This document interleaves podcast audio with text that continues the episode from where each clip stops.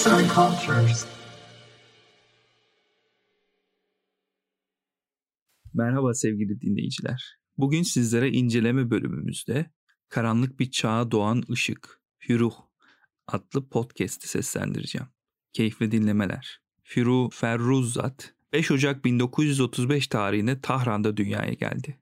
Çocukluk ve gençlik dönemlerini orta halli bir aile ortamında geçirdi.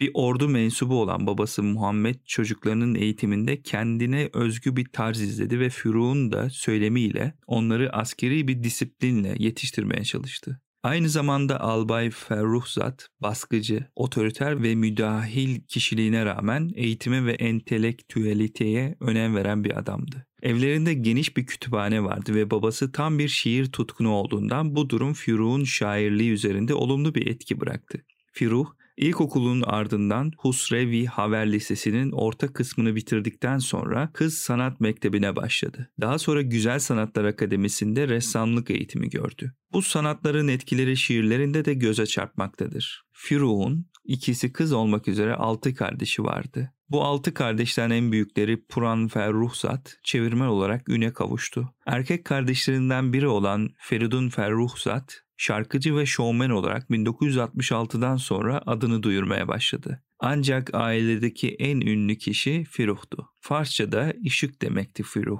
Firuh çocukluğundan itibaren toplumun kendisi için biçtiği rolleri bir türlü benimseyemedi. Esasında benimsemek adına bir çaba gösterdiği de söylenemezdi. Dönemin İran'ı Şahrıza ve Humeyni arasındaki çekişmelerin yoğun yaşandığı ve hangi dünya görüşünden olunursa olunsun kadının varlığına yer verilmeyen bir dünyaydı. İran'da yaşadığı yıllarda Rıza Şah bir takım sol aydınları ve Tudeh partisine katılıp sonradan ayrılan aydın ve yazarları tutuklatmış, aynı zamanda İran kadınının İslam kurallarına göre gelenekselleşen başörtüsünü bir, bir kenara bırakmasını isteyerek keşfi hicap yasa tasarısını yaşama geçirmiştir. O dönemde Sadık Hidayet yazmış olduğu Kör Baykuş romanını Rıza Şah'ın sansüründen saklayarak Hindistan'a götürmüş ve orada fotokopiler halinde yayımlamıştır. Bu roman esasen İran'ın ilk önemli romanıdır ve Fars dilinde romancılığın temelini oluşturmuştur. Ayrıca o dönem yaşanan kadın cinayetlerinden sonra baba erkilliği, çocukların ve kadınların öldürülmesini çok incelikle ele alarak çizmiş, Sadık Çubek'in Sabır Taşı adlı eserinin ana temasını oluşturmuştur. Firuh yaşadığı dönem resmini Ey Şanlı Vatan şiirinde bize şöyle anlatmaktadır. Ben Öyle yaratıcı bir kitle içinde doğmuşum ki ekmeği yok, yok ama öyle geniş bir görüş sahası var ki şimdiki coğrafi sınırları kuzeyden şen yeşil atış meydanına, güneyden tarihi idam meydanına ve kalabalık yerlerde tophane meydanına varmaktadır. 13-14 yaşlarında şiir yazmaya gazelle başladı. Ne var ki Firuh bunlardan hiçbirini yayımlamadı. Bu dönemde ilgisi yalnızca şiirle de kalmadı. Çok güzel kompozisyonlar yazarak düz yazıdaki başarısını da sergiledi. Okuyordu, yazıyordu ve daimi olarak sorguluyordu. Zihni sürekli üretmeye, yetinmemeye ve kalıpları yıkmaya odaklıydı. Öncelikle büyüdüğü evden kurtulmak adına 16 yaşındayken kendisinden 15 yaş büyük olan İran'ın hiciv yazarlarından Perviz Şapur'la evlendi. Ancak evlilik hayatı fazla uzun sürmedi, anlaşmazlık gerekçesiyle eşinden ayrıldı. Firavun bir oğlu vardı ve İran'da şeriat yasalarına velayet hakkı babanındı. Bu nedenle Firuh oğlu Kamyar'dan ayrı düştü ve bir daha oğlunu hiç göremedi. Oğlu için yazdığı şiirin bir bölümü şu şekildedir. Bu şiiri sana söylüyorum. Susamış bir yaz gün batımında başlangıcım bu. Uğursuz, yarı yolunda bitimsiz bu acının köhne mezarında. Bu sana son ninnimdir yavrucağım. Senin beşiğinin yanında salınır belki bir gün. Bu yaban çığlığım gençliğinin göklerinde yalkınılır. Bırak benim avare gölgem senin gölgenden uzak ve ayrı kalsın bir gün. Kavuşuruz ve o gün varsa aramızda sadece Tanrı kalsın. Firu'nun ilk şiirleri Hadde Niha adlı dergide yayımlandı. Sanat hayatının kapılarını bir şair ve ressam olarak aralayan Firuh, 1954 yılından itibaren şiir kitaplarını yayımlamaya başladı. Şiir yazmak onda nefes almakla eşdeğerdi. Şiire olan tutkusunu babasına yazdığı bir mektupta şöyle dile getirmiştir. Gecem gündüzüm hiç kimsenin şimdiye kadar söylemediği, yeni ve güzel bir şiir söylemenin düşüncesiyle geçiyor. Kendimle baş başa kalamadığım ve şiir düşünmediğim gün bana boşu boşuna geçen bir günmüş gibi geliyor. Belki şiir beni mutlu edemez gibi görünüyor olabilir ama ben mutluluğu başka bir şekilde algılıyorum. Benim için mutluluk güzel elbiseler, iyi yaşam ya da güzel yemekler değil. Ben ruhen huzurlu olduğumda mutlu oluyorum ve şiir ruhumu huzurlu kılıyor.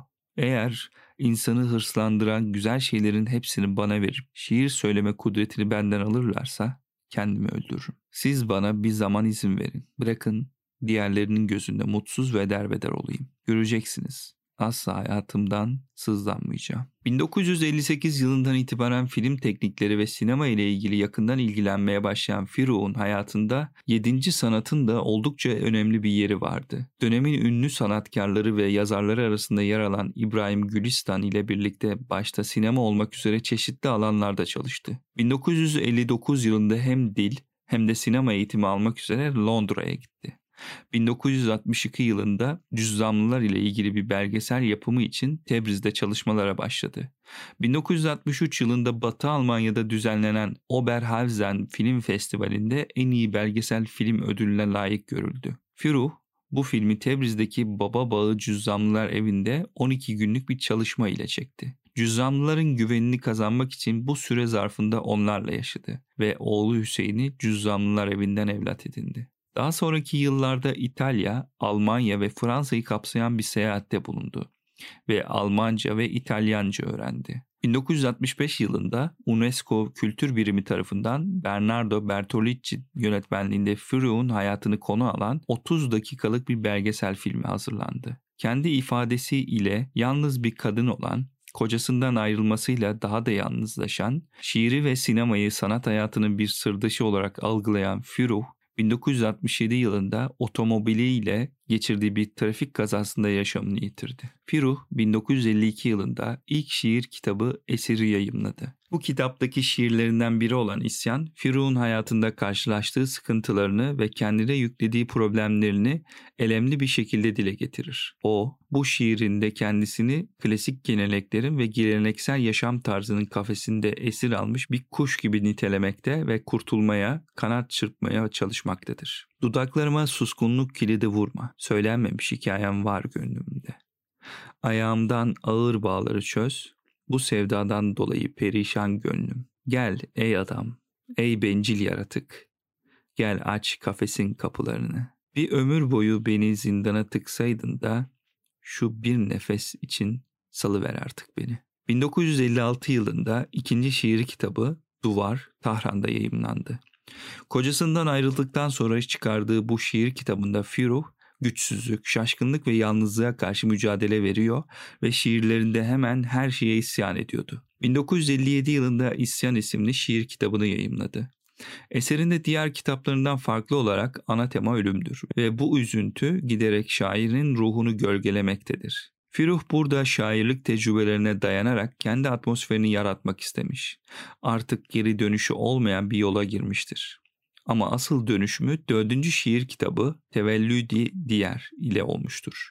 Eski tarz şiirlerinden sıyrılarak çağdaş Fars şairleri arasına bu şiiriyle girmiştir. O, bu şiiriyle yeni bir hayata özellikle de şairlik dünyasında yeni bir tarza kavuşmuştur. Şiirde kendisini uçsuz bucaksız okyanusların yalnızlığında yaşayan bir periye benzetmekte, insanın çok uzun süreler geçmişte gizli ve yalnız yaşayabileceğini ve bunu anlamının da ölüm olduğunu ifade etmektedir. Kendisi de çok uzun süren böyle bir hayat sonucu yalnızlık yolculuğundan hatıralarla döndükten sonra geçmişin bir çukur olduğunu ve içinde inci aranmaması gerektiğini, öyle olsaydı kendisinin de oradan dönemeyeceğini dile getirmiştir. Artık Firu son iki şiir kitabında özgün bir tarz yakalamış, kendinden önceki Fars şairlerinden oldukça az oranda etkilenmiş, felsefi ve sosyal konulara eğilmiş şiirlerini bu çerçevede kaleme almıştır. Ve böylecedir. Birisi ölür ve birisi yaşar. Hiçbir avcı çukura dökülen hor bir arkta inci avlamayacaktır. Ben hüzünlü küçük bir periyi biliyorum. Okyanusta yaşayan ve yüreğini tahta bir kavalda usul usul çalan küçük hüzünlü bir peri. Geceleri bir öpücükle ölen ve sabahları bir öpücükle yeniden doğacak olan. Firuh ve ruhsat, dildeki ifade rahatlığı, içtenliğiyle toplumunun sıkıntılarını ve problemlerini yalın bir şekilde ifade ettiğinden birçok Fars şairini etkilemiş ve Fars şiirinde son 50 yılın en büyük temsilcilerinden biri olmuştur. Yazan Demet Taştemir, seslendiren Rıdvan Tüzemen.